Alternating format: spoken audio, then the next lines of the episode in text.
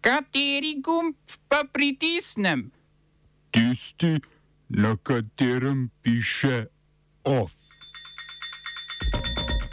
Venezuela in Kolumbija z imenovanjem veleposlanikov v normalizacijo diplomatskih odnosov.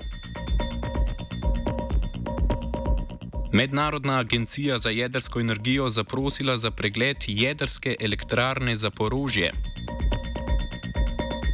Etiopija z zagonom druge turbine velikega renesančnega jezu korak bližje do njegovega polnega obratovanja. Zadnji delovni dan na uradu za demografijo.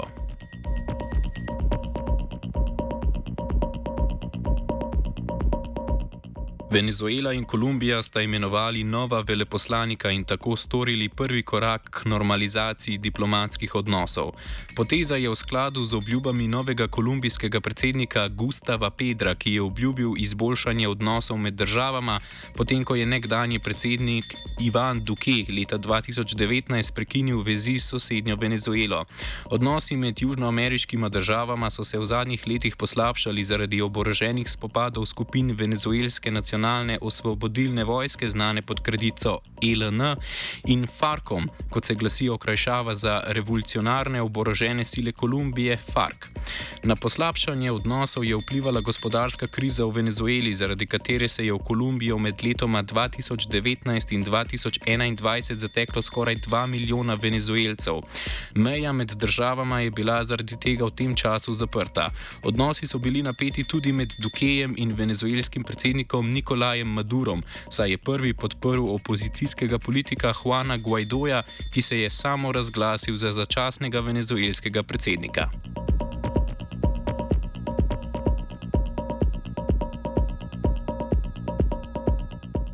Na območju jedrske elektrarne za porožje se nadaljujejo boji med ukrajinskimi in ruskimi silami, je sporočil ukrajinski državni operater jedrskih objektov Energo, Energoatom. Po navedbah Energoatoma je bila v obstreljevanju ruske vojske zadeta upravna stavba elektrarne, tarča pa je bila tudi gasilska postaja v bližini jedrske elektrarne. Predstavnik proruskih oblasti na območju zaporožja Vladimir Rogov je na telegramu za napad obtožil ukrajinsko vojsko in pri tem dodal, da je ta elektrarna obstreljevala z desnega brega Dnepra. Generalni direktor Mednarodne agencije za jedrsko energijo Rafael Grossi je na včerajšnjem zasedanju Varnostnega sveta Združenih narodov ob spopadih v bližini jedrske elektrarne dejal, da mora agencija dobiti dovoljenje za pregled elektrarne, saj njeni okolici zaradi nevarnosti poškodbe elektrarne ob morebitnih nadaljnih spopadih grozi, kot se je izrazil, huda kriza.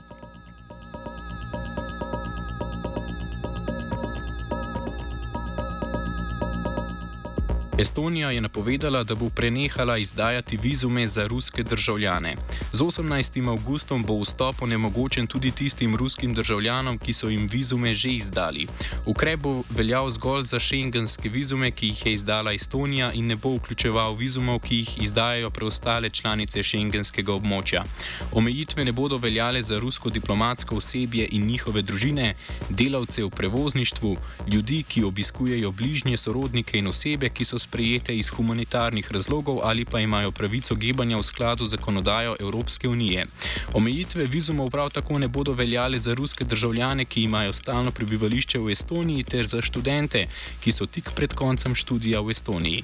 Tem bodo status bivanja podaljšali za eno leto.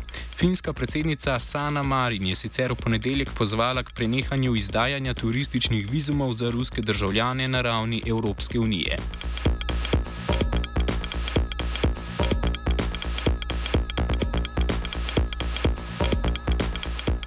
Etiopija je zaključila tretjo polnitev jezu na Modrem Nilu, poimenovanega tudi Veliki renesančni jez, ki je največji hidroenergetski projekt v Afriki.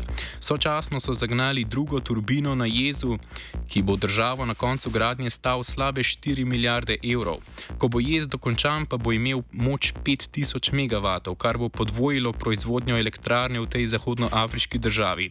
Po zadnjih podatkih etiopskih oblasti so zgradili okoli 88 85 odstotkov jezu, gradnjo pa naj bi zaključili konec leta 2023. Jes je sicer že več kot deset let jabolko spora med Etiopijo na eni strani ter Egiptom in Sudanom na drugi. Ti državi sta močno odvisni od Nila kot glavnega vira pitne in namakalne vode za kmetijske površine. Etiopijo obe državi obtožujeta kršitve pogodbe, ki so jo vse tri države podpisale leta 2015. V skladu z njo bi morale vse tri države reko koristiti hkrati, neusklajeni posegi ene države pa so prepovedani.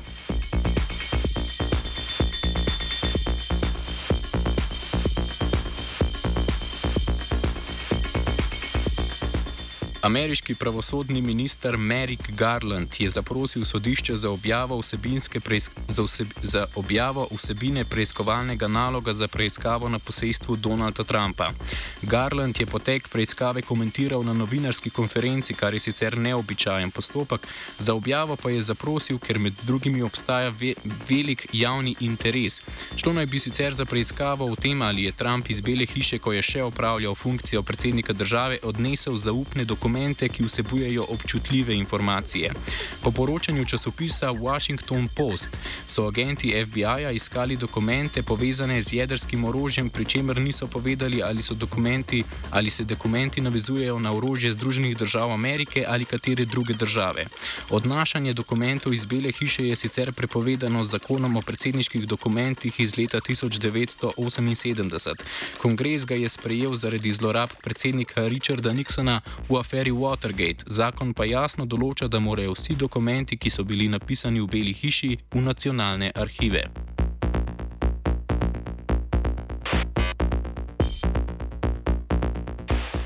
Švedska bo Turčiji izročila moškega, ki so ga turške oblasti zaradi goljufije obsodile na 14 let zapora. To bo prvi primer izročitve, odkar je Turčija v zameno za odpravo veta na pridružitev Švedske in Finske zvezi NATO zahtevala izročitev posameznikov, ki jih turške oblasti označujejo za teroriste. Izročitev je potrdilo švedsko pravosodno ministrstvo, pravosodni minister Morgan Johansson pa je primer označil za običajno in rutinsko zadevo. Turški državljan, ki je bil domovini leta 2013 in 2016 obsojen zaradi zlorabe bančnih in kreditnih kartic, je bil od konca lanskega leta v švedskem priporu. Zahteva za izročitev je bila vložena leta 2021, tiskovni predstavnik švedskega vrhovnega sodišča pa sicer ni želel potrditi, ali je na seznamu oseb, za katere je Turčija podala zahtevo po izročitvi. Skandinavski državi sta za vstop v NATO zaprosili maja letos, po začetku vojne v Ukrajini.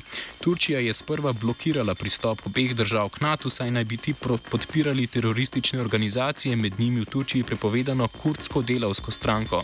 Kljub temu, da so vse tri države kasneje dosegle dogovor, Turčija še vedno ni formalno ratificirala širitve zavezništva.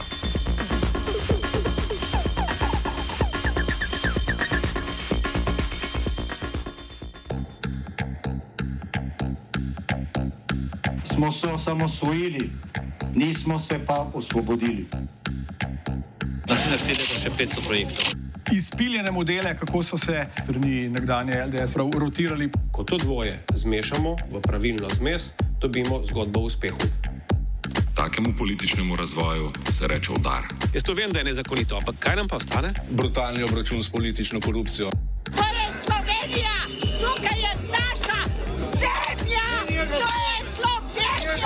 Slovenija,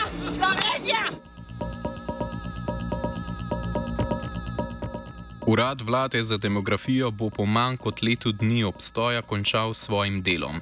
Vlada ga je z odlokom, ki bo začel veljati to soboto, ukinila, pristojnosti urada pa prenesla na Ministrstvo za delo, družino, socialne zadeve in enake možnosti. Vlada se je za to potezo odločila, ker se delo urada prekriva z delovnim področjem ministrstva. Zaposlene na uradu, finančna sredstva in dokumentacija urada bo prav tako prevzelo ministrstvo. Urad je imel sedež na trgu Leona Štuklja v Mariboru z odlokom pa ga je ustanovila prejšnja vlada Janeza Janše. Od urada se je poslovil tudi vršilec dožnosti direktorja Danilo Lončarič in osladno povdaril, da je življenje največ, kar ljudje lahko imamo.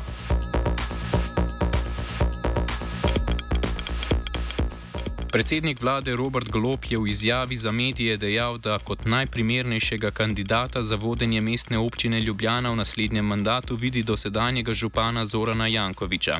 Dotaknil se je tudi načrtov Gibanja Svoboda za prihajajoče novembrske lokalne volitve. Glede uh, lokalnih volitev ne postopamo nič drugače v mestni občini Ljubljana kot v ostalih občinah po Sloveniji. Na stranki smo imeli prvič, prvi, uh, včeraj prvi izvršni odbor na to temo, naslednji teden imamo svet stranki, kjer bomo to potrjevali. Uh, ne bom pa zanikal, uh, da sam vidim uh, župana Jankoviča kot tistega, ki je najbolj primeren, da nadaljuje še en mandat na tem mestu in da sam se nagibam to, da stranka podpre. Ampak ne bom prejudiciral, dokler to ne bo uh, svet stranke tudi potrdil. OF je pripravil premrov.